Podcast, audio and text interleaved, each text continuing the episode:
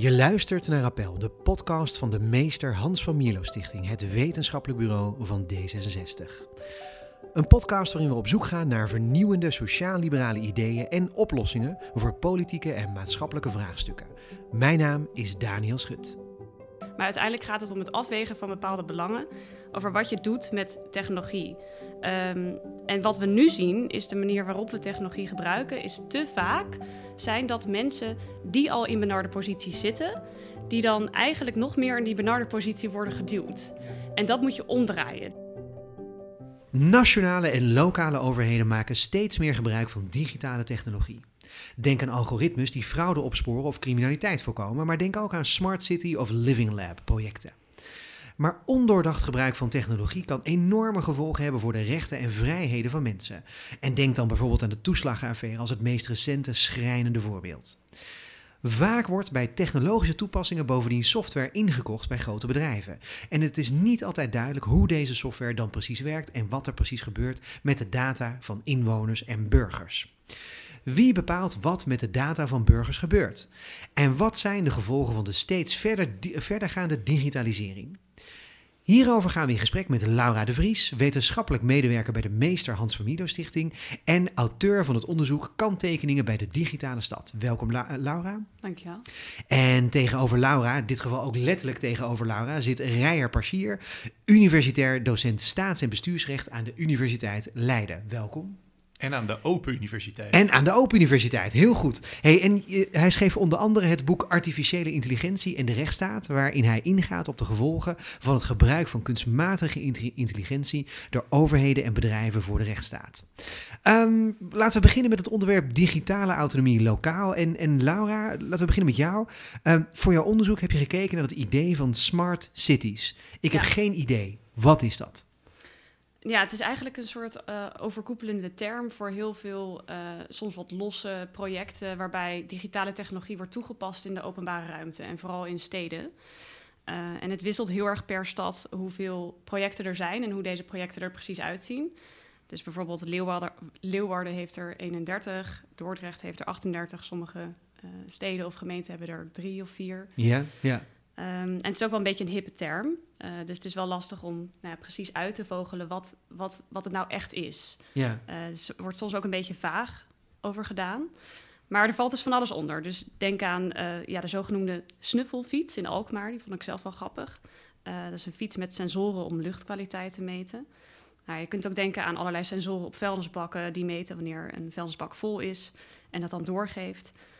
Um, je kan ook denken aan nou ja, zogenoemde slimme camera's. Uh, waar dan ook niet altijd is het even duidelijk wat er dan precies met slim wordt bedoeld. Ja. Uh, maar Evgeny Morozov, waar we het net over hadden toevallig, uh, voordat we deze podcast begonnen, die, die zegt dan ja, slim betekent eigenlijk geprivatiseerd. Ja, dus dat er ja. vaak dan een bedrijf is die die software levert. Uh, maar goed, er zijn ook grotere projecten, um, zoals het Living Lab in Scheveningen. Ja.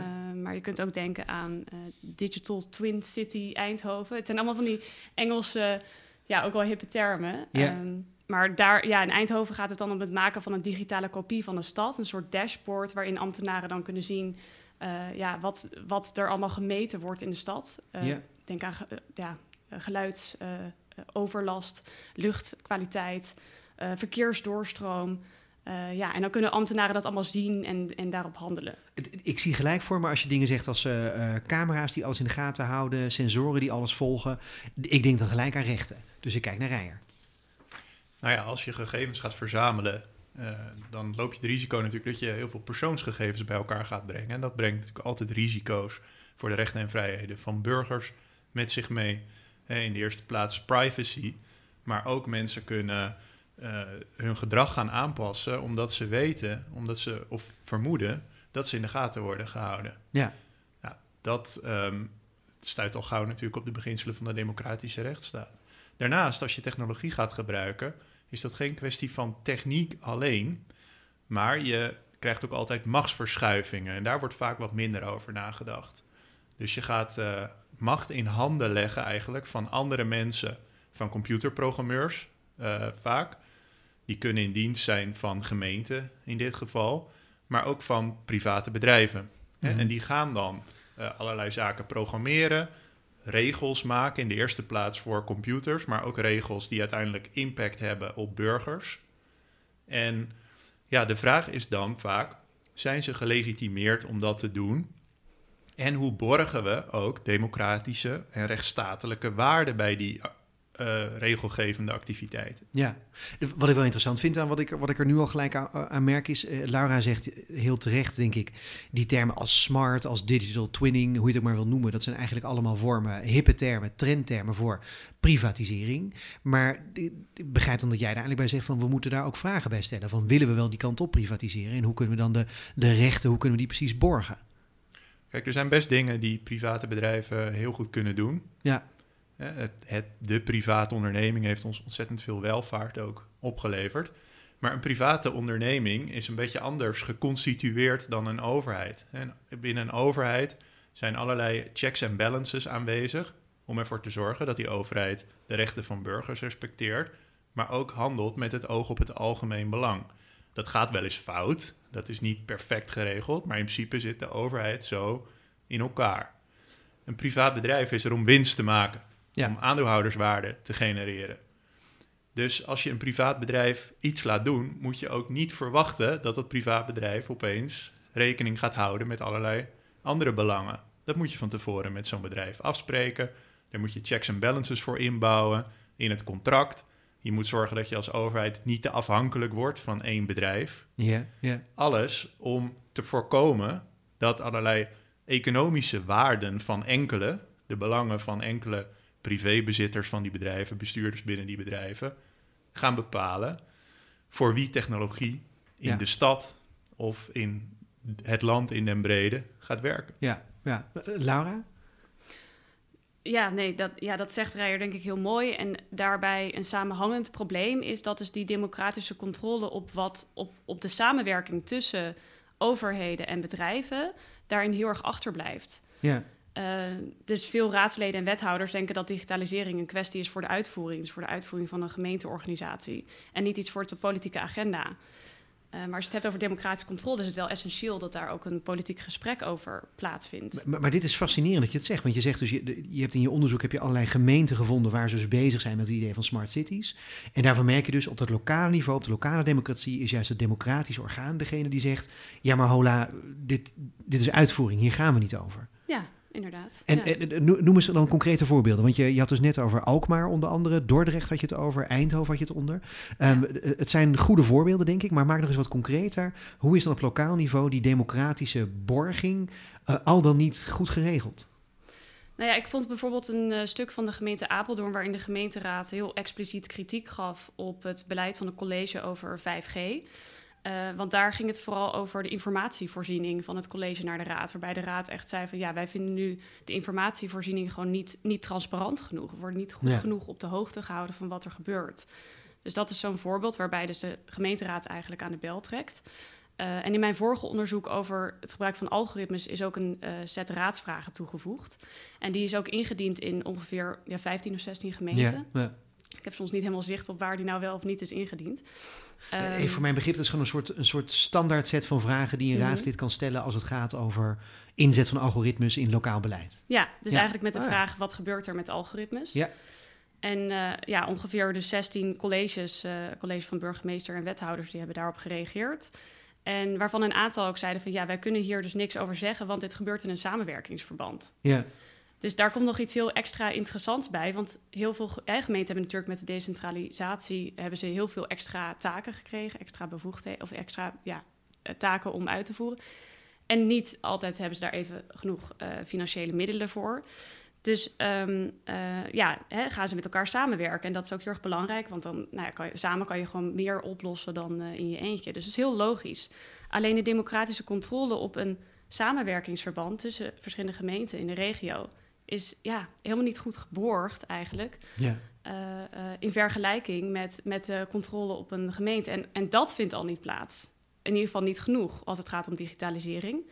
Laat staan als het ook nog eens in een samenwerkingsverband gebeurt. Ja, precies. Het, het zijn eigenlijk wel twee verschillende problemen die je nu aankaart, denk ik. Hè? Ja. Want aan de ene kant heb je, nou, ja, bijvoorbeeld in de gemeente waar ik woon, Haarlem, die heeft dan een belastingssamenwerking. Dus ik krijg altijd de belasting, de lokale belastingenbrief, dat is dan eh, voor een heel groot gebied bij elkaar. Ehm, maar dan is er daarbij ook nog het probleem dat het heel moeilijk is om toezicht te houden op wat er digitaal precies gebeurt. Ja, precies. Maar- Dus het probleem bestaat sowieso al. Eh, maar al helemaal als het gaat om digitalisering, omdat dat politieke debat daar al dus eigenlijk helemaal niet op plaatsvindt. Laat staan als het gebeurt in een samenwerkingsverband, wat gewoon steeds vaker gebeurt, ook als het gaat om digitalisering. Wa- Wat kan een raadslid dan doen als een wethouder eigenlijk zegt, ja, hier kan ik eigenlijk weinig over zeggen, want het is een samenwerkingsverband en ik weet het eigenlijk ook niet echt. Wa- wa- Wat kan een raadslid doen? Ja, dat is een goede vraag. Ik denk dat als een raadslid daar informatie over vraagt, eh, dat in ieder geval op zijn minst de informatie gegeven moet worden. En dat een college dus niet weg zou moeten kunnen komen met ja, dat is een samenwerkingsverband, daar kunnen we geen uitspraak over doen. Want dan blokkeer je eigenlijk de weg voor enige vorm van democratische controle. En dat ja, vind ik best vreemd. Ja, ja. Rijer? Ja, ik ben geen expert als het gaat om samenwerkingsverbanden.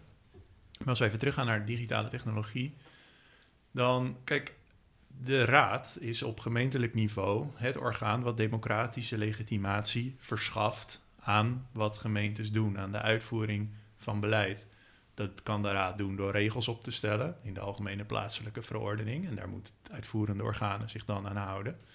Eh, en die democratische legitimatie wordt verschaft ook door de landelijke wetgever. Want gemeenten voeren ook heel veel landelijke wetten uit. En ook daar heeft de raad een rol. Want die moet ook gaan checken van hoe willen wij dat in onze gemeente, hoe willen we invulling geven aan die taken. En ook daar moet een raad bij betrokken zijn om ervoor te zorgen dat de belangen van de bewoners gerepresenteerd zijn in dat beleid. Als je nou zegt, wij hebben als raad niets te maken met de uitvoering, dan ga je er dus eigenlijk vanuit dat de uitvoering zich keurig netjes aan al die regels houdt. Nou, dat is al natuurlijk naïef om te denken. Maar ten tweede ook, moet er bij de uitvoering van wetten, moeten heel vaak keuzes gemaakt worden. Die wetten en algemene plaatselijke verordeningen, die hebben open, bevatten open normen, soms zelfs tegenstrijdigheden. En bij de invulling van die open normen en bij de keuzes die je maakt bij de uitvoering van die regels in concrete gevallen of in eh, bepaalde eh, in, in, bre- in bre- bredere zin, daar moet je dus continu met elkaar over in gesprek blijven. Nu, als je gaat digitaliseren, ga je eigenlijk nog een stapje verder. Dan ga je dus proberen die wetten en regels om te zetten in computercode. Ja. Nou, iedereen weet, vertalen is verraden. Zeker als je van menselijke taal, de taal van de regelgever, naar, nou, even heel plat gezegd, 1 en nullen wil. Nou, dan moet zo'n computerprogrammeur allerlei keuzes maken. Die computerprogrammeur is op zichzelf niet democratisch gelegitimeerd om dat te doen. Dus je moet daar als raad, of als landelijke wetgever, moet je daar bovenop zitten om mee te denken over, ja, hoe gaan we dat nou precies in die computercode vervatten? En tussen welke, wel- hoe, hoe, hoe slechten we dilemma's? Welke keuzes gaan we maken? Alleen de raad en alleen de eh, landelijke wetgever kan daar democratische legitimatie aan dat keuzeproces verschaffen en controleren of dat voldoende in overeenstemming is met wet en regelgeving. Ja, ja, ik vind die zin vertalen is verraden prachtig. En ik wil straks nog wat meer kijken of we wat voorbeelden kunnen vinden van hoe code dus eigenlijk een soort ja, eh, verraad is van wat de wetgever misschien iets bedoeld heeft. Eh, maar even terug naar Laura. Eh, eh, dat betekent dus dat raadsleden wel heel veel meer kennis en competenties moeten hebben om, om dit soort projecten goed in de gaten te houden. Ja, klopt. En daar zijn ook wel zorgen over eh, dat, dat die eh, kennis er gewoon onvoldoende is. Maar die kennis kun je ook in huis ha- halen. Ja, Ik was ook geen eh, ICT-expert voordat ik bij de Van Mierlo Stichting begon. Maar ik heb toch in relatief korte termijn me daar aardig goed in kunnen verdiepen. Ook al weet ik natuurlijk van de technische aspecten wat minder. Maar als het gaat om het politieke debat, denk ik dat je dat niet altijd nodig hebt. Al kan het natuurlijk wel helpen. Maar ja, ik zag toevallig in het, in het boekje van, van Rijer, als het oké is dat ik je, je zo eh, noem. Ehm, zag ik ook een, eh, een eh, mooi idee staan voor, ehm, naar aanleiding van het Technology Assessment Bureau in, in, eh, eh, eh, in Duitsland, bij het parlement. Ehm, en dat is eigenlijk een bureau waar dus parlementsleden, als ik het goed begrijp, een soort aanvraag kunnen doen voor informatie over digitalisering. En dat zou je bijvoorbeeld ook in het Nederlandse parlement kunnen hebben. Maar idealiter zou je ook zo'n soort bureau. En dat kost misschien echt veel te veel geld natuurlijk. Maar dat je, dat je idealiter echt zo'n bureau ook ja, gekoppeld aan de raad zou hebben, waarbij je dus gewoon aanvragen kunt doen, informatie aanvragen van ja, over, over technologie, over digitalisering. Maar ja, misschien is dat ook een soort gekke substitutie voor wat er eigenlijk zou moeten zijn, namelijk gewoon betere informatievoorziening Ja. en betere, eh, ja, beter de kennis in huis halen. Ehm, Ja, dus informatievoorziening van, de, van het college het, naar de het lijkt bijna alsof je voor een soort eh, rekenkamer op het gebied van IT pleit. Op, Ja. op lokaal niveau. Ja, nou ja, ik kan me voorstellen dat het veel raadsleden best wel zou helpen. Hè? Want je hebt toch een hele, hele beperkte tijd tot je Ja. beschikking. Je hebt vaak een andere baan nog daarnaast. Eh kost gewoon heel erg veel tijd. Je hebt meerdere portefeuilles die je in de gaten moet houden. Nou ja, het is best wel, eh, best wel zwaar werk, denk ik. Ja, ik wil nog wat meer voorbeelden horen. Want eh, het, waar ik als eerste aan dacht, hè, toen, ik, toen ik wist dat we het hierover gingen hebben, dacht ik als eerste aan afgelopen coronatijd hoorden we dat er bij de GGD allerlei data gelekt was. Eh, Ja. Dus gewoon gebrekkige beveiliging van data. Er kon gewoon een medewerker kon inloggen, eh, Excel-bestanden downloaden en die vervolgens stond er online welke BN'er wel of niet al een prik had gehad. Zoiets was het, geloof ik. Ehm, is dat waar ik aan moet denken als ik moet denken aan eh, problemen met smart cities eh, op lokaal niveau? Nou ja, ik denk dat als je het hebt over digitale autonomie, dus de zeggenschap die je hebt als gemeente over wat er met de data van inwoners gebeurt. Wat niet wil zeggen dat als je die zeggenschap hebt, dat het dan altijd, hè, dat het rechten per se ook meteen eh, borgt. Maar in ieder geval is de kans groter dat er rechten of vrijheden eh, worden geschonden of ingeperkt als je die autonomie niet hebt. Maar je kunt wel stellen dat als je inderdaad je, databeveiliging niet op orde hebt, nou, dan is, is digitale autonomie wel ver te zoeken. Ik geloof dat dit is dan een lokaal voorbeeld van Hof van Twente, van de datalek daar, of de hack was, was dat. Daar was geloof ik het wachtwoord wat was ingesteld, was eh, welkom 2020. Oh, ja. Eh, ja, dan kun je wel stellen Is dat een hack? Dat, ja, nou ja, ja, precies. Nou, maar dat je die vraag dus al moet stellen. En ehm hè, tuurlijk, dat kan natuurlijk gebeuren, maar dat betekent wel dat je eh, die databeveiliging wat dat betreft gewoon niet, niet op orde hebt. ja, ja. Maar ja, als je het hebt over digitale autonomie, dus die zeggenschap, dan zijn er nog veel ehm, meer andere problemen naast die databeveiliging, eh, die kunnen leiden tot grove, grove ja, mensenrechten schendingen eigenlijk. Ehm, en daarbij kun je dus ook denken aan, aan zogeheten bias, dus de, de vooroordelen die eigenlijk terug te zien zijn in de manier waarop je je data analyseert en verwerkt en, en de uit, wat je doet met de uitkomsten. Le- Leg eens uit. Nou ja, als je hè, data eh, kan gebiased zijn. Dus dat kan leiden, als je bijvoorbeeld een algoritme hebt om fraude op te sporen en er zit een bias in, dan heb je waarschijnlijk een hele scheve uitkomst. Dus waarbij bepaalde groepen heel erg overgerepresenteerd zijn en dus de kans dat zij worden gecontroleerd vervolgens. eh, ja, groot, eigenlijk de toeslagenaffaire. Hè? Dus Ja, ja, discriminatie op basis van een algoritmisch systeem. Ja. Ehm, en ehm, als je daar, hè, dat is dus ook als jij niet je digitale autonomie op orde hebt, dus je hebt als gemeentebestuur eigenlijk geen zeggenschap over wat er gebeurt met de data van de inwoners, dan is de kans op dat soort excessen of ja, gewoon grove mensenrechten schendingen eigenlijk veel groter. Want je moet wel controle hebben over wat er gebeurt. eh, wil je dat soort dingen kunnen voorkomen? Ja. Wat ik interessant vind, je, je gebruikt een paar keer het woord grove mensenrechten schendingen. Dat is Ja. een zware term. Ja. Ik denk dan altijd aan eh, martelen in gevangenissen.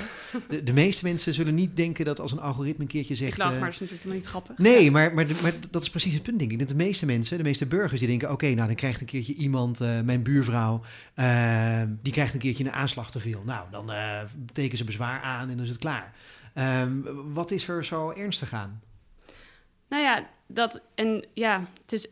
Ik ga dan toch weer naar de toeslagenaffaire ver- verwijzen, omdat je daarin zie je dus dat op het moment dat je dus aan extra controles wordt onderworpen, dan heeft dat kan, kan dat zulke enorme gevolgen hebben dat, dat, je, dat je gewoon letterlijk de, je persoonlijk wie jij bent wordt is dan niet meer hetzelfde. Dus wie- hoe jij je leven wilt vormgeven is dan niet meer hetzelfde, maar deels bepaald door de overheid. Ja. Dus je komt in een soort, ja, je krijgt een sticker en da- daar kom je nooit meer vanaf. Je kan niet meer zelf vormgeven. Shoshana Zuboff, onderzoeker, die, die heeft een heel mooi boek, The Age of Surveillance Capitalism, geschreven. En zij schrijft over the right to a future tense. Dus de mogelijkheid om eigenlijk jou- jouw toekomst vorm te geven op een manier zoals jij die voor je ziet. En als de overheid jou op zo'n manier behandelt, op basis van een categorie waar jij hoogstwaarschijnlijk niet eens voor hebt gekozen, dus echt pure discriminatie. En op basis daarvan word je aan allerlei controles en checks en zo onderworpen. En andere mensen niet, die, die niet voldoen aan die categorie. Dan mis jij op een gegeven moment, als keer op keer die besluiten worden genomen, dan, dan heb jij niet meer de mogelijkheid om je eigen keuzes te kunnen maken. Ja. En dan wordt dus een deel van jouw mens zijn afgepakt, eigenlijk. En, en, en dat verklaart ook waarom zoiets, zo'n term als digital twinning, dat is wat Eindhoven dan blijkbaar gebruikt, wat Ja. het eigenlijk heel eng maakt. Dat is dus, de, de overheid ziet alleen maar de tweeling, de digitale tweeling, maar beoordeelt jou ook op basis van wat ze weten over die digitale tweeling. Daardoor heb je dus zelf niet meer de vrijheid om te bewegen zoals je bent.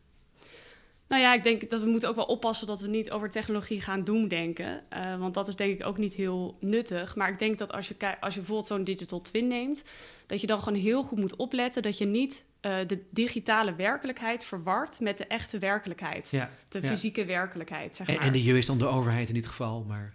Ja. ja, de, ja, dus de gemeenteambtenaren. Hè? Dus dat je telkens moet na... Kijk, ik ben helemaal niet eh, een soort technoskepsist dat ik zeg... oh, je moet helemaal geen nieuwe technologieën gebruiken. Totaal niet. Alleen ik denk wel dat je heel goed moet nadenken van... oké, je hebt dan zo'n zo'n dashboard. Eh, waar komt die data vandaan? Hoe werkt zo'n camera eigenlijk? Hoe werkt zo'n sensor? Wat vangt die wel niet op? Is je databeveiliging op orde? Wat ga je vervolgens met die data doen? Eh, ga je inderdaad eh, mensen controleren? Of ga je eh, kijken hoe, eh, hoe je problemen beter kan aanpakken op zo'n manier dat je niet controleert, maar emancipeert. En natuurlijk is die grens daartussen een beetje, hè, kan een beetje grijs zijn. Dat snap ik ook wel. Alleen het gaat wel om een soort mind, Ja. mindset die je moet veranderen. Rijer? Ja, ik vind dat beeld van die grove mensenrechten schendingen eh, helemaal niet zo overdreven. Kijk, als die data komt niet terecht in één ehm, database, maar overheden wisselen data uit. En je staat zomaar op eh, één datapunt, kan zomaar in tientallen databases bij de overheid terechtkomen. De, de overheid is een heel, is een heel complex systeem van eh, data-uitwisseling tussen verschillende organen. En organen, organen, overheidsorganen nemen ook beslissingen eh, heel vaak op basis van data die weer door andere organen verzameld is. En waarvan het nog maar heel moeilijk te controleren is of die ook klopt. En er zijn al allerlei rapporten van de ombudsman geweest. Een heel mooi boek, De Digitale Kooi, van Arjen Witlak, waarin eh, allerlei case studies staan beschreven van mensen die daardoor enorm in de problemen komen. Die één keer eh, een, eh, een nummerplaat kwijtraken of een uitkering verkeerd geregistreerd wordt. En soms zelfs meer dan tien jaar achtervolgd worden door allerlei overheidsinstanties met boetes, met aanmaningen en noem maar op. En eh, hun hele leven eigenlijk verwoest zien, omdat ze ooit een keer ergens verkeerd in een database terechtgekomen zijn en overheden niet meer goed in staat zijn om dat te corrigeren. Er is zelfs, meen ik, voorgesteld door de ombudsman dat deze mensen dan maar een nieuwe eh, identiteit aangemeten moeten krijgen, omdat het eigenlijk niet meer goed mogelijk is om hun oude identiteit te herstellen. Nou, als dat geen grove mensenrechten schending is, dan weet ik Ja. het ook niet meer. Ja, nou ja, je zou natuurlijk kunnen zeggen, en ik speel even de rol van criticas natuurlijk, hè, maar je zou natuurlijk kunnen zeggen, ja, het gaat hier om een digitale identiteit, dus dat is, het gaat niet om hun ziel, het gaat niet om wie ze zijn van binnen.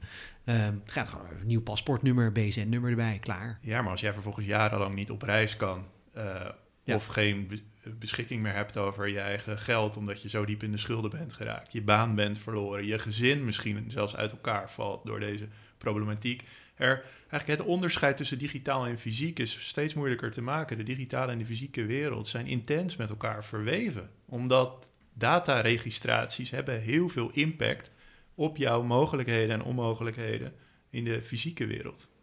Ja, helder. Laura, heb je daar nog voorbeelden van? Het, het is dus meer dan alleen beveiliging. Het is dus meer dan alleen maar dat die data soms gewoon met een heel simpel wachtwoord eh, te hacken is. Ja. Ehm, heb je daar concrete voorbeelden van?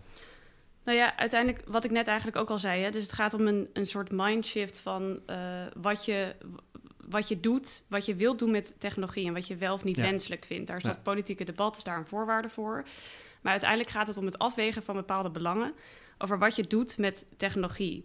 Ehm, en wat we nu zien, is de manier waarop we technologie gebruiken, is te vaak zijn dat mensen die al in benarde posities zitten, die dan eigenlijk nog meer in die benarde positie worden geduwd. Ja, En dat moet je omdraaien. Dus een voorbeeld daarvan, het gaat dan niet over toepassing in de openbare ruimte, maar een algoritme in de gemeente Rotterdam eh, voor fraudeopsporing, dus uitkeringsfraude.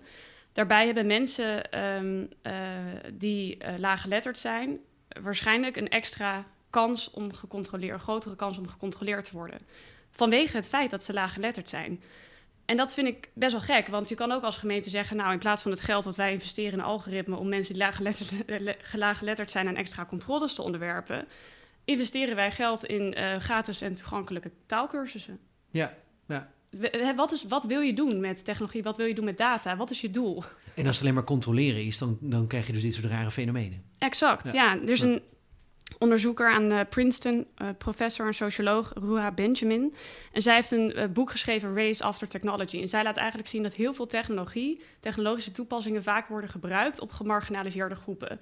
Dus mensen van kleur, mensen die geen vaste woonplaats hebben. Het, een soort heel schrijnend voorbeeld daarvan is Google, die gezichtsherkenningssoftware traint, heeft getraind op dakloze mensen van kleur.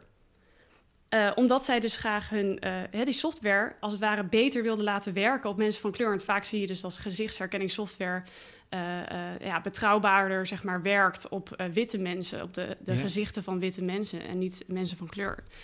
Ja, en dan heb je dus een Google die, die de straat op gaat en letterlijk dakloze mensen zeg maar gaat betalen in ruil voor ja, hun, hun gezicht gebruiken om een software te trainen. Nou, dat is ja, het, perfecte schijnende voorbeeld ook van hè, op wie gebruik je technologie en wie misbruik je ook om die technologie te verkrijgen. Ja.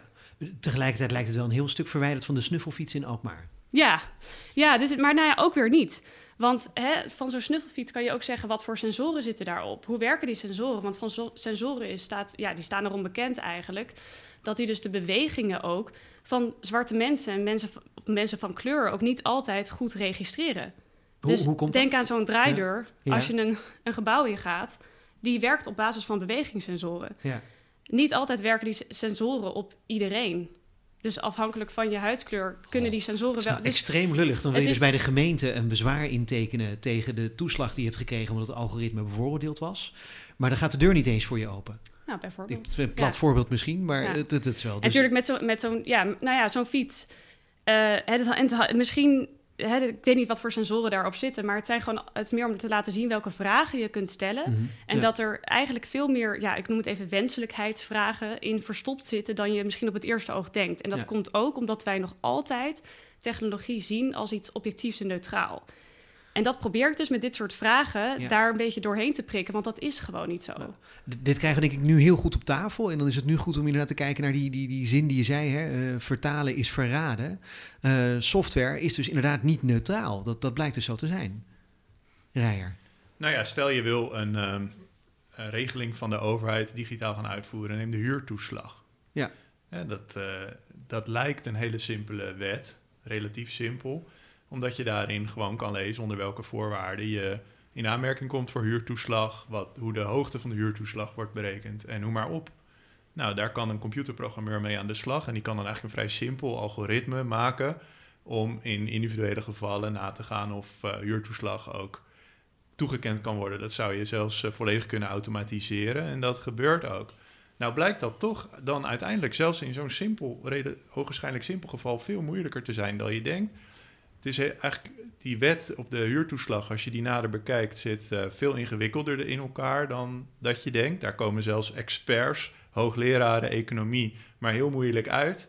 Er is een voorbeeld van een hoogleraar economie. Ik meen dat het Bas Jacobs was die voor zijn dochter de huurtoeslag wilde berekenen en daar zelf niet uitkwam. Ja. Nou moet je nagaan als je daar een computerprogrammeur zonder financiële of economische of juridische achtergrond mee aan het werk zet en zegt: bouw jij maar een systeem om die huurtoeslag toe te kennen. Ja, die moet onherroepelijk dus allerlei keuzes maken, want die computer die kan niet werken met beginselen of tegenstrijdigheden. Die heeft hele gedetailleerde instructies nodig. En Waarom moet- is dat? Je zou kunnen zeggen dat je... Dat, dat- moet je toch kunnen inprogrammeren?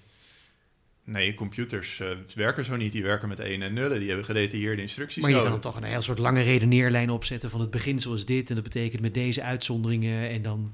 Nee, ook een beginsel moet je dus heel gedetailleerd programmeren. Ja, Eh, en ehm, daar, daar weet een computer geen raad mee. ja. Zo werken computer. ga maar eens eh, programmeren. Het is heel nuttig om niemand. Ik, ik ben helemaal niet van de school die zegt ja, iedereen moet kunnen programmeren. Maar ik denk wel dat het aardig is dat iedereen. Iedereen zou dat een keertje moeten doen. Gewoon met een. Proberen met een simpele programmeertaal. Ik heb dat zelf met QBasic gedaan toen ik op de middelbare school zat. Om eens te kijken, ja, hoe werkt dat nou? En dan kom je er inderdaad achter dat een computer, die is heel eerlijk. Die straft al je fouten af en die heeft hele precieze gedetailleerde instructies nodig. En als er ook maar iets in die instructies eh, fout gaat of ontbreekt, ja, dan werkt het al niet meer. Ja. Dus waar je een menselijke ambtenaar nog kan zeggen van, nou ja, doe het ongeveer zo, hou rekening met deze en deze beginselen, hè, maar kom tussen dat en dat bedrag uit. Ja, dat, dat gaat niet bij een computer. Die moet je heel precies programmeren. En dat betekent dus dat een computerprogrammeur die keuzes moet gaan maken. En omdat die algoritmes vervolgens natuurlijk op miljoenen gevallen toegepast worden, betekent het ook dat de keuzes die een enkele computerprogrammeur maakt ook gevolgen hebben voor ja, miljoenen eh, beslissingen die vervolgens door dat algoritme worden genomen. Ja, ja. Je beschrijft in je, in je boek, beschrijf je dat dan ook, eh, dat, dat een beetje de, de, de, de discretionaire bevoegdheid van, van de ambtenaren zelf afgepakt wordt eigenlijk. Ja, dus de meeste wetten laten soms bewust of onbewust ruimte over aan menselijke ambtenaren op de grond ja. Ja, om hun bevoegdheid in een concreet geval toe te passen. Nou, nu ga je dus zeggen van nou, we, hebben, we willen het niet meer door menselijke ambtenaar laten doen, maar door een digitaal systeem. Mhm. Nou, wie gaat dat systeem bouwen? Een computerprogrammeur. Dus de discussionaire ruimte die eerst in handen was van de ambtenaar, die nog gedisciplineerd was door een bepaalde integriteit, door het bestuursrecht, de algemene beginselen van behoorlijk bestuur. Die discussionaire macht ga je nu, gaat nu verschuiven naar de computerprogrammeur. En dan is het nog maar de vraag of dan nog steeds al die waarden die we geborgd hadden met het bestuursrecht en met uh, opleiding, of die dan ook uh, op het moment dat die macht verschoven is naar de computerprogrammeur nog steeds uh, geborgd is. Ja, het moeilijke is dat een programmeur moet ook van tevoren dat allemaal inprogrammeren, want anders is, werkt het programma niet. Die moet van tevoren alle cases bedenken. En ja, het aantal uitzonderingen is natuurlijk vrijwel on, onmogelijk te kwantificeren. Nou, er kunnen best wel wat uitzonderingen ook ingeprogrammeerd worden. Natuurlijk wel een gelimiteerd aantal.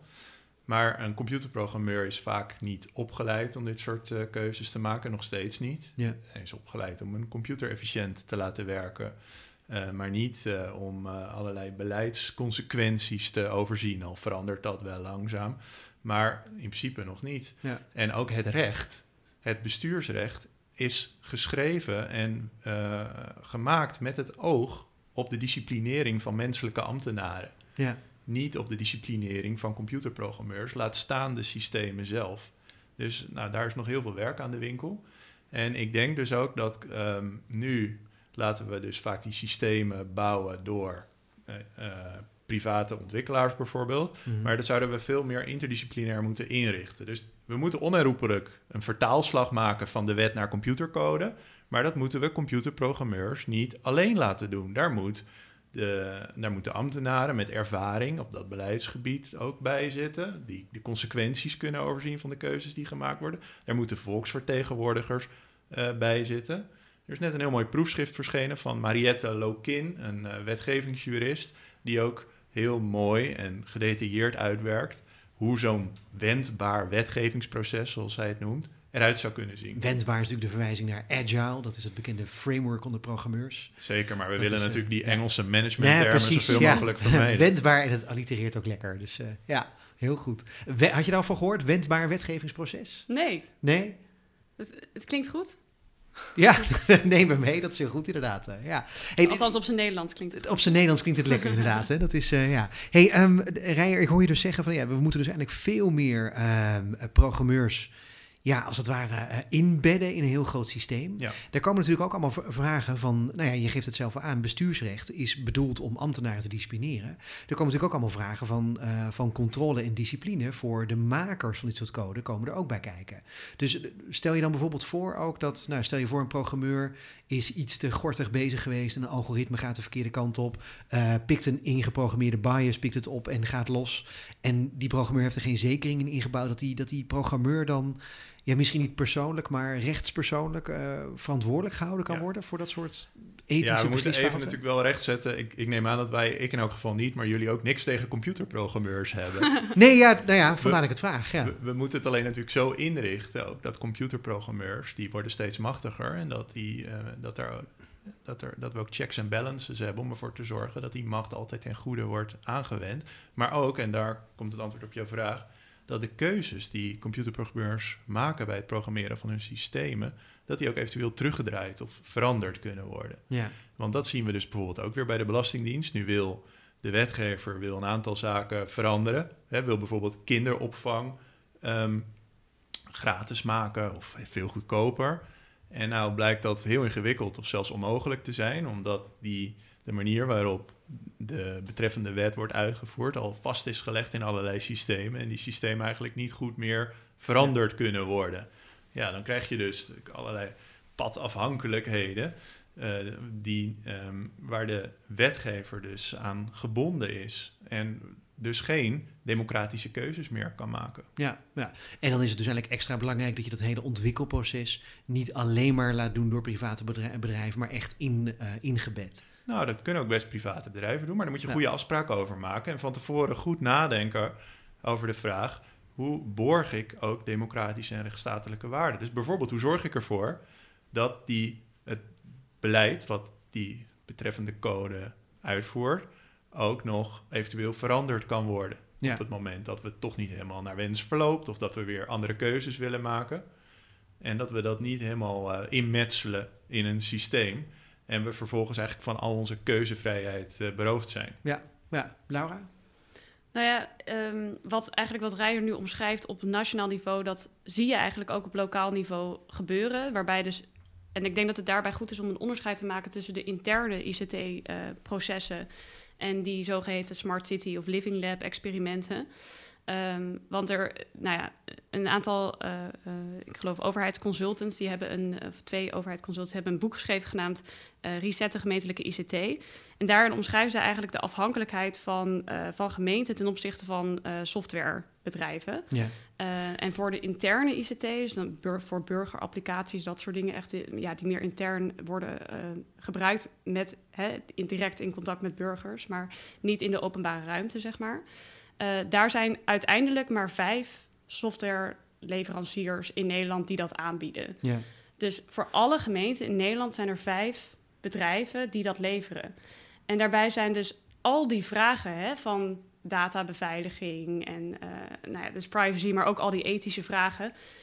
Die, hè, die, die, die macht ligt dus eigenlijk bij die bedrijven, hoe je dat systeem dus precies inricht. Met die democratische en rechtsstatelijke uh, borging, zeg maar. Um, en, en hoe doen die vijf bedrijven dat nu dan? Nou ja, die leveren dus al die applicaties. Maar um, uh, ik weet niet of, daar altijd, of het altijd duidelijk is. Of die in hoeverre die, hè, welke keuzes daarin worden gemaakt. Of er echt geen sprake is van uh, bepaalde inderdaad bias. Of, uh, of die überhaupt ook in de gemeenteraad besproken worden. Ja. Um, en ik vind het ook best wel weinig eigenlijk, vijf. Dat, ik had wel verwacht dat dat er meer waren. Ja, ja. Nou, en dat staat nog los van die zeg maar, uh, applicaties in de openbare ruimte, waarbij nog nou ja, veel meer uh, softwareleveranciers, zowel groot als klein, bij betrokken zijn. Maar daar spelen natuurlijk ook al die vragen. Dus in het stuk wat ik geschreven heb, heb ik een soort set van, uh, nou, ik noem het even een APK-keuring. Nu is het niet zo dat als je die vragen beantwoordt, dat het dan klaar is. Dat zou weer te veel gedacht zijn als een programmeur. Ja. Precies. Ja. nou ja, dat wil ik niet zeggen, maar in ieder geval, dat is geen, er is geen quick fix of zo voor dit soort, om dit soort issues uh, op te lossen. Maar als je, hè, daar, die vragen gaan dan bijvoorbeeld over welke softwarebedrijven zijn dit? Uh, zijn dat grote of kleine? Welke afspraken heb je in je contracten vastgelegd? Um, staat het onderwerp überhaupt op de politieke agenda? Um, dus om een heel breed scala aan vragen van ja, om eigenlijk te checken hoe afhankelijk je bent ook van die bedrijven. Ja, ja. Misschien helemaal niet. Ik, ik, probeer het zo een beetje voor me te zien, hè, want je hebt, maakt het onderscheid tussen interne systemen en externe systemen nu eigenlijk. Ja, dat onderscheid is, ja. is waarschijnlijk, dat maak ik zelf, maar dat is er waarschijnlijk heel, niet, zo, even, niet zo heel duidelijk. Um, maar meer omdat die. Um, nou ja, die, die, zeg maar dat wat boek Resetten gemeentelijke ICT, dat geeft geen overzicht van uh, hè, zeg maar de, de toepassingen in, in die Smart City of Living ja. Lab experimenten. Dus daarom maak ik even dat onderscheid. Ja, precies. Ja.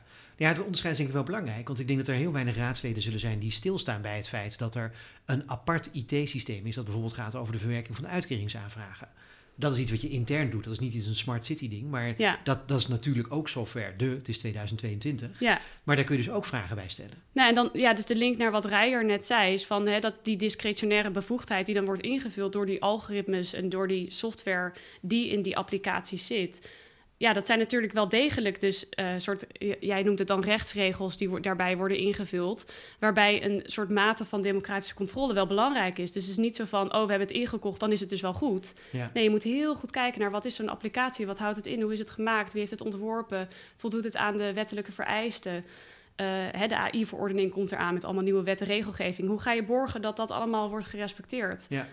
Kijk, de regels die uiteindelijk voor burgers gaan gelden, zijn de algoritmes in het systeem wat het beleid uitvoert. Ja. Niet de regel in de APV of de regel in de wet. Nee, die wordt op een gegeven moment omgezet. En dan wat bepaalt, wat de mogelijkheden en onmogelijkheden, de rechten en plichten van burgers betaalt, bepaalt, dat is dat uh, algoritme. Ja, vandaar dat je het ook in je boek digitaal feudalisme noemt. Nou, dat is weer net iets anders. Oké. Okay. Digitaal feudalisme.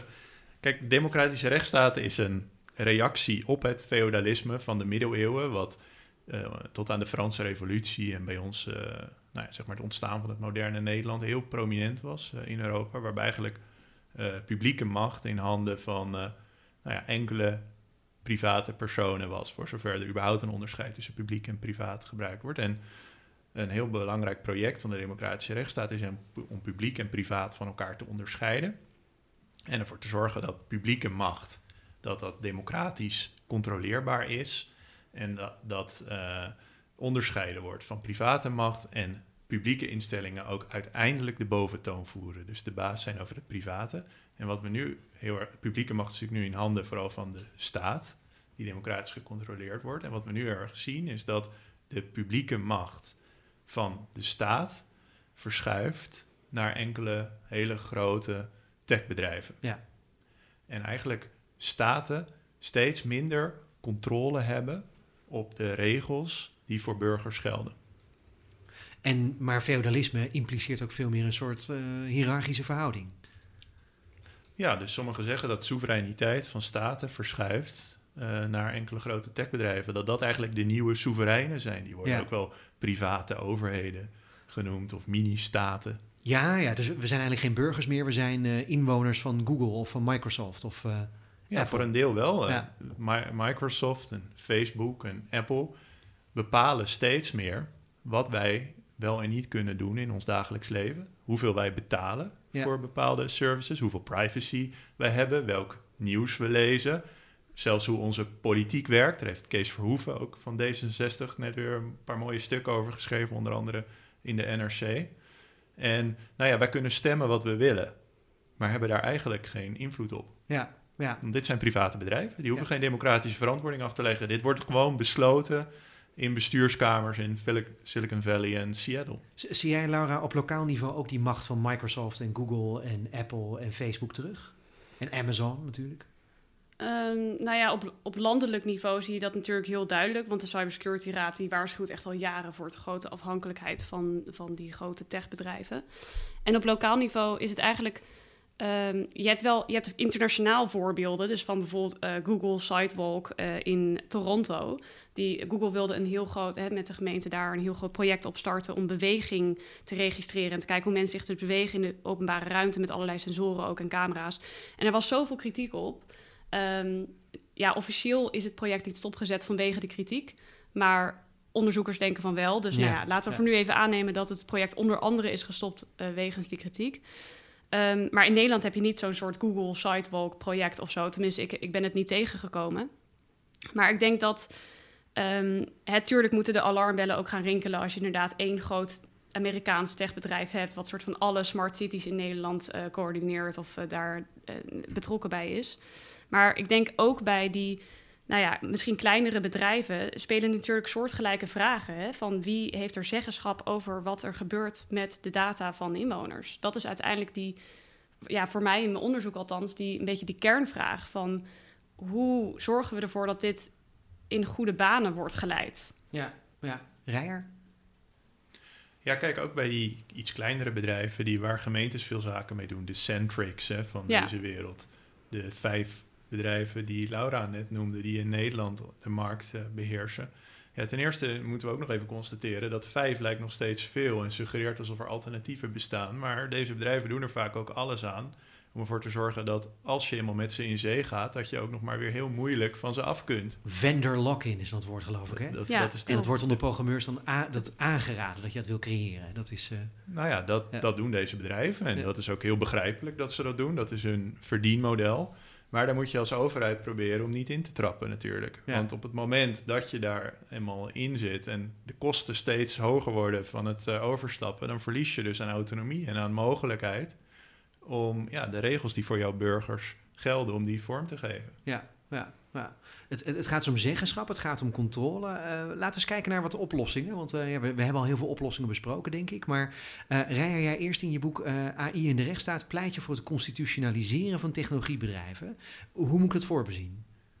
Nou ja, de gedachte daarvan is dat sommige bedrijven zo groot en machtig zijn geworden dat het een soort semi-staten zijn geworden. Ja, En dat die zoveel publieke macht hebben dat we ons eigenlijk moeten afvragen: ja, kunnen dit nog wel organisaties zijn met een puur private oriëntatie? Dus zoals we ooit de staat geconstitutionaliseerd hebben, ook ooit een privébezit van de koningen, zoals we ooit de staat geconstitutionaliseerd en gedemocratiseerd hebben en checks en balances hebben ingebouwd, verkiezingen zijn gaan organiseren om ervoor te zorgen dat die staat eh, handelt met het oog op het algemeen belang.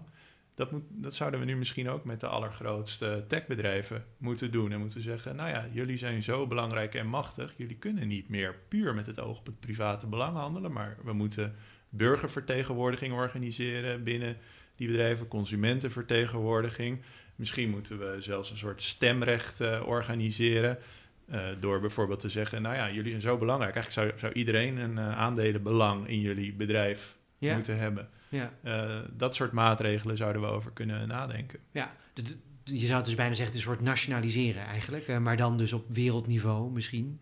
Nou, dat zou wel een hele rigoureuze stap zijn. Ja, Eh, dat heeft, heeft ook weer allerlei nadelen met zich mee.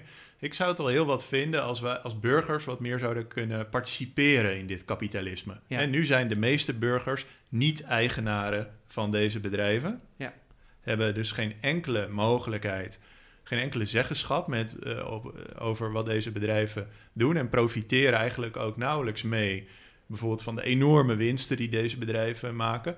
Nou ja, stel nu dat eh, iedereen, al is het maar een klein aandelenbelang in deze bedrijven zouden hebben, dan mag je stemmen op de aandeelhoudersvergadering en krijg je nog een beetje, profiteer je mee van de winst die deze bedrijven maken. Ja, Facebook heeft ongeveer de, de helft van de wereldbevolking nu momenteel als eh, gebruiker. Je heet ook gebruiker, je heet niet lid, hè? je heet gebruiker. Ja. Dat vind ik sowieso altijd wel gek, dat je een user bent. Nou Dat ja, er is nog maar één andere business die zijn klanten gebruikers noemt. Ja, Hè? dus daarom. Dus, eh, dat is het. Maar, maar dan heb je een aandeel en dan ben je dus één van de, nou zeg 3 miljard. Dus dan heb je niet heel veel invloed. Ja, maar dat ben je ook natuurlijk als burger bij verkiezingen. Ja, En toch hechten we daar heel veel waarde aan en werkt dat behoorlijk goed om de overheid bij de les te houden. Ja, ja. En dan gaat het misschien ook alleen om het publieke rechtvaardigen in een publiekelijke vergadering daarvan. Dat je dus, Mark Zuckerberg kan nu in zijn aandeelhoudersvergadering zeggen wat hij wil en intern beslissen wat hij wil. Nou ja, het gaat erom, kijk, deze bedrijven maken binnen de regels. Die bepalen bijvoorbeeld wat voor informatie we tot ons krijgen Ja. en op wat voor manier. En in een democratie mag je op zich, mag je maar op twee manieren aan een regel gebonden raken. Ofwel omdat je er zelf mee hebt ingestemd, bijvoorbeeld in een contract. Ofwel omdat je ermee hebt ingestemd via het democratische proces. En Ja. anders zijn regels niet legitiem. Nou, hier zou je dus eh, ook een soort demo... Dit zijn gewoon, dit zijn pseudo-politieke entiteiten, net als staten. En je zou hier ook bij die bedrijven, zou je eigenlijk een soort democratisch proces moeten organiseren om hun activiteiten te legitimeren en om de mogelijkheid te krijgen om dan als publiek ook om hun beleid bij te sturen. Ja, En er ook van te profiteren als publiek. Deze bedrijven veroorzaken ook enorm veel ellende. Denk aan Facebook. Een waanzinnig bedrijf in feite.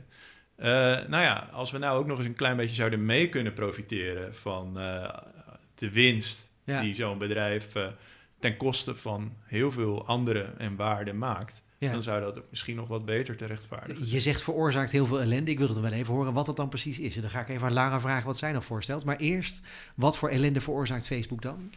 Nou ja, vervormt onze hele politieke orde. Denk Ja. aan wat er bij verschillende Amerikaanse presidentsverkiezingen is gebeurd. Brexit. eh, in Myanmar, wat Facebook daar eh, aanricht voor ellende. Maar ook gewoon in onze eigen politiek. Hè? Ik bedoel, eh, onze parlementariërs gaan nauwelijks meer met elkaar in debat in de commissievergaderingen in het parlement. Maar ons parlement is een soort opnamestudio van YouTube geworden. En als je ook kijkt naar beelden van vergaderingen, parlementariërs zitten alleen maar te twitteren en te facebooken en lijken eigenlijk alleen maar gericht te zijn op de buitenwereld in plaats van dat ze het parlement als gebruiken als een arena om met elkaar in debat te gaan. En dat is te wijten aan het beleid van deze bedrijven en ook aan onszelf, aan het feit dat we deze bedrijven alle ruimte hebben gegeven om dit met onze politieke orde te doen. Ja. En het is eh, denk ik tijd dat we dus deze bedrijven als rivalen van de democratische rechtsstaat gaan zien. En dus ook eh, gaan proberen om onze soevereiniteit weer eh, terug te heroveren. Ja, eindelijk soevereiniteit terugpakken, Laura. We kunnen het ook eens zeggen. Nou ja, ik, ik, las een paar dagen geleden las ik een artikel in Time over Facebook in Kenia. Dus daar hebben ze allerlei contentmoderatoren in uh, dienst genomen. Die dan voor anderhalf uur, anderhalve euro uh, per, per, dag of uh, nou ja, het, de valuta daar, ik weet even niet uit mijn hoofd wat dat is, maar heel weinig geld in ieder geval. daar dus content moeten modereren. Wat dus in de praktijk betekent dat ze continu ja, geconfronteerd worden met videobeelden en foto's die hè, van moord en verkrachting en uh, noem maar op. En uh, dus super uh, traumatische beelden. En dat ze daar dus ook weer echt werden tegengehouden om bijvoorbeeld een vakbond op te richten. Ja. Dus als mensen zich dan verenigen, wordt het ook echt heel hard, of nou hard in ieder geval duidelijk de kop ingedrukt. Dus dat laat ook zien hoe zo'n bedrijf intern dus ja, met, met die hiërarchie omgaat en, en mensen echt uitbuit. Ik las ergens, ik kan me niet meer herinneren welke kant het was, maar dat Amazon Um, het onmogelijk had gemaakt om een vakbond te organiseren in een van haar fabrieken. En dat ze dat onder andere hadden gedaan door dus stoplichten vaak op rood te zetten. Er was een vergadering om tien uur of zo en dan zouden mensen er naartoe gaan, maar dan hadden ze allemaal rood tegen, waren ze allemaal te laat voor die vergadering. Dat is, dat is toch gek? Ja, zeg ik nou. Dat Allerlei manieren, gewoon pure pesterijen. Ja. Maar ook een bedrijf als Tesla, nu in Duitsland, hè, met een fabriek in Berlijn. Mooi stuk in de NRC uh, afgelopen week over hoe dat dan gaat. En ook hoe politici zich in de luren laten leggen door zo'n bedrijf. Ja. En dus kosten wat kost zo'n bedrijf ook naar hun gemeente, in dit geval de gemeente Berlijn, willen halen. Ja, tegen wat voor prijs? En wat verwachten ze ervan om zo'n bedrijf binnen hun grenzen te hebben? Uh, ik, zou daar, ik zou hopen dat politici daar uh, veel dieper over beginnen na te denken. Ja, en, ja. Breng mij bij de laatste vraag van vandaag. Dat is namelijk de vraag: stel, we hebben net een nieuw kabinet.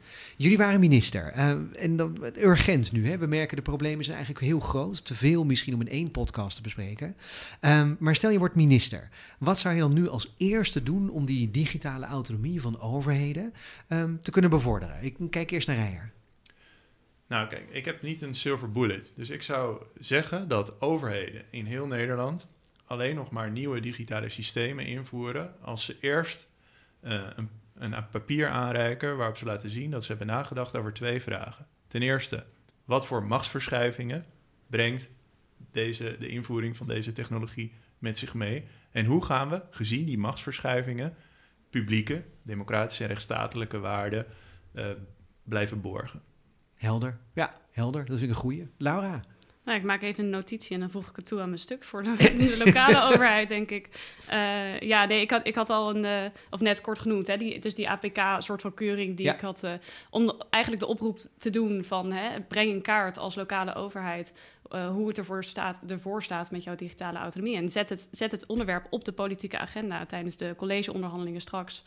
Uh, tijdens misschien ook de, ja, de, de, verkiezingsdebatten, bevraag ook raadsleden als, als burger, als inwoner van de gemeente. Bevraag raadsleden en uh, leden van het college ook. Hè. Wat, wat is hun visie op digitalisering en hoe gaan zij deze uh, democratische en rechtsstatelijke waarden, hoe gaan ze die borgen? Hoe ga je ervoor zorgen dat je die digitale autonomie ja, beschermt op een democratische manier? Helder. Hartelijk dank. Hartelijk dank, Rijer Passier en Laura de Vries. Het onderzoek van Laura is te vinden op www.vanmierlostichting.nl. En uh, vergeet je niet te abonneren op deze podcast als je dat nog niet hebt gedaan. Wij zijn er over twee weken weer en dan spreken we met twee lokale politici over de toenemende agressie in de raadzaal. Graag tot dan.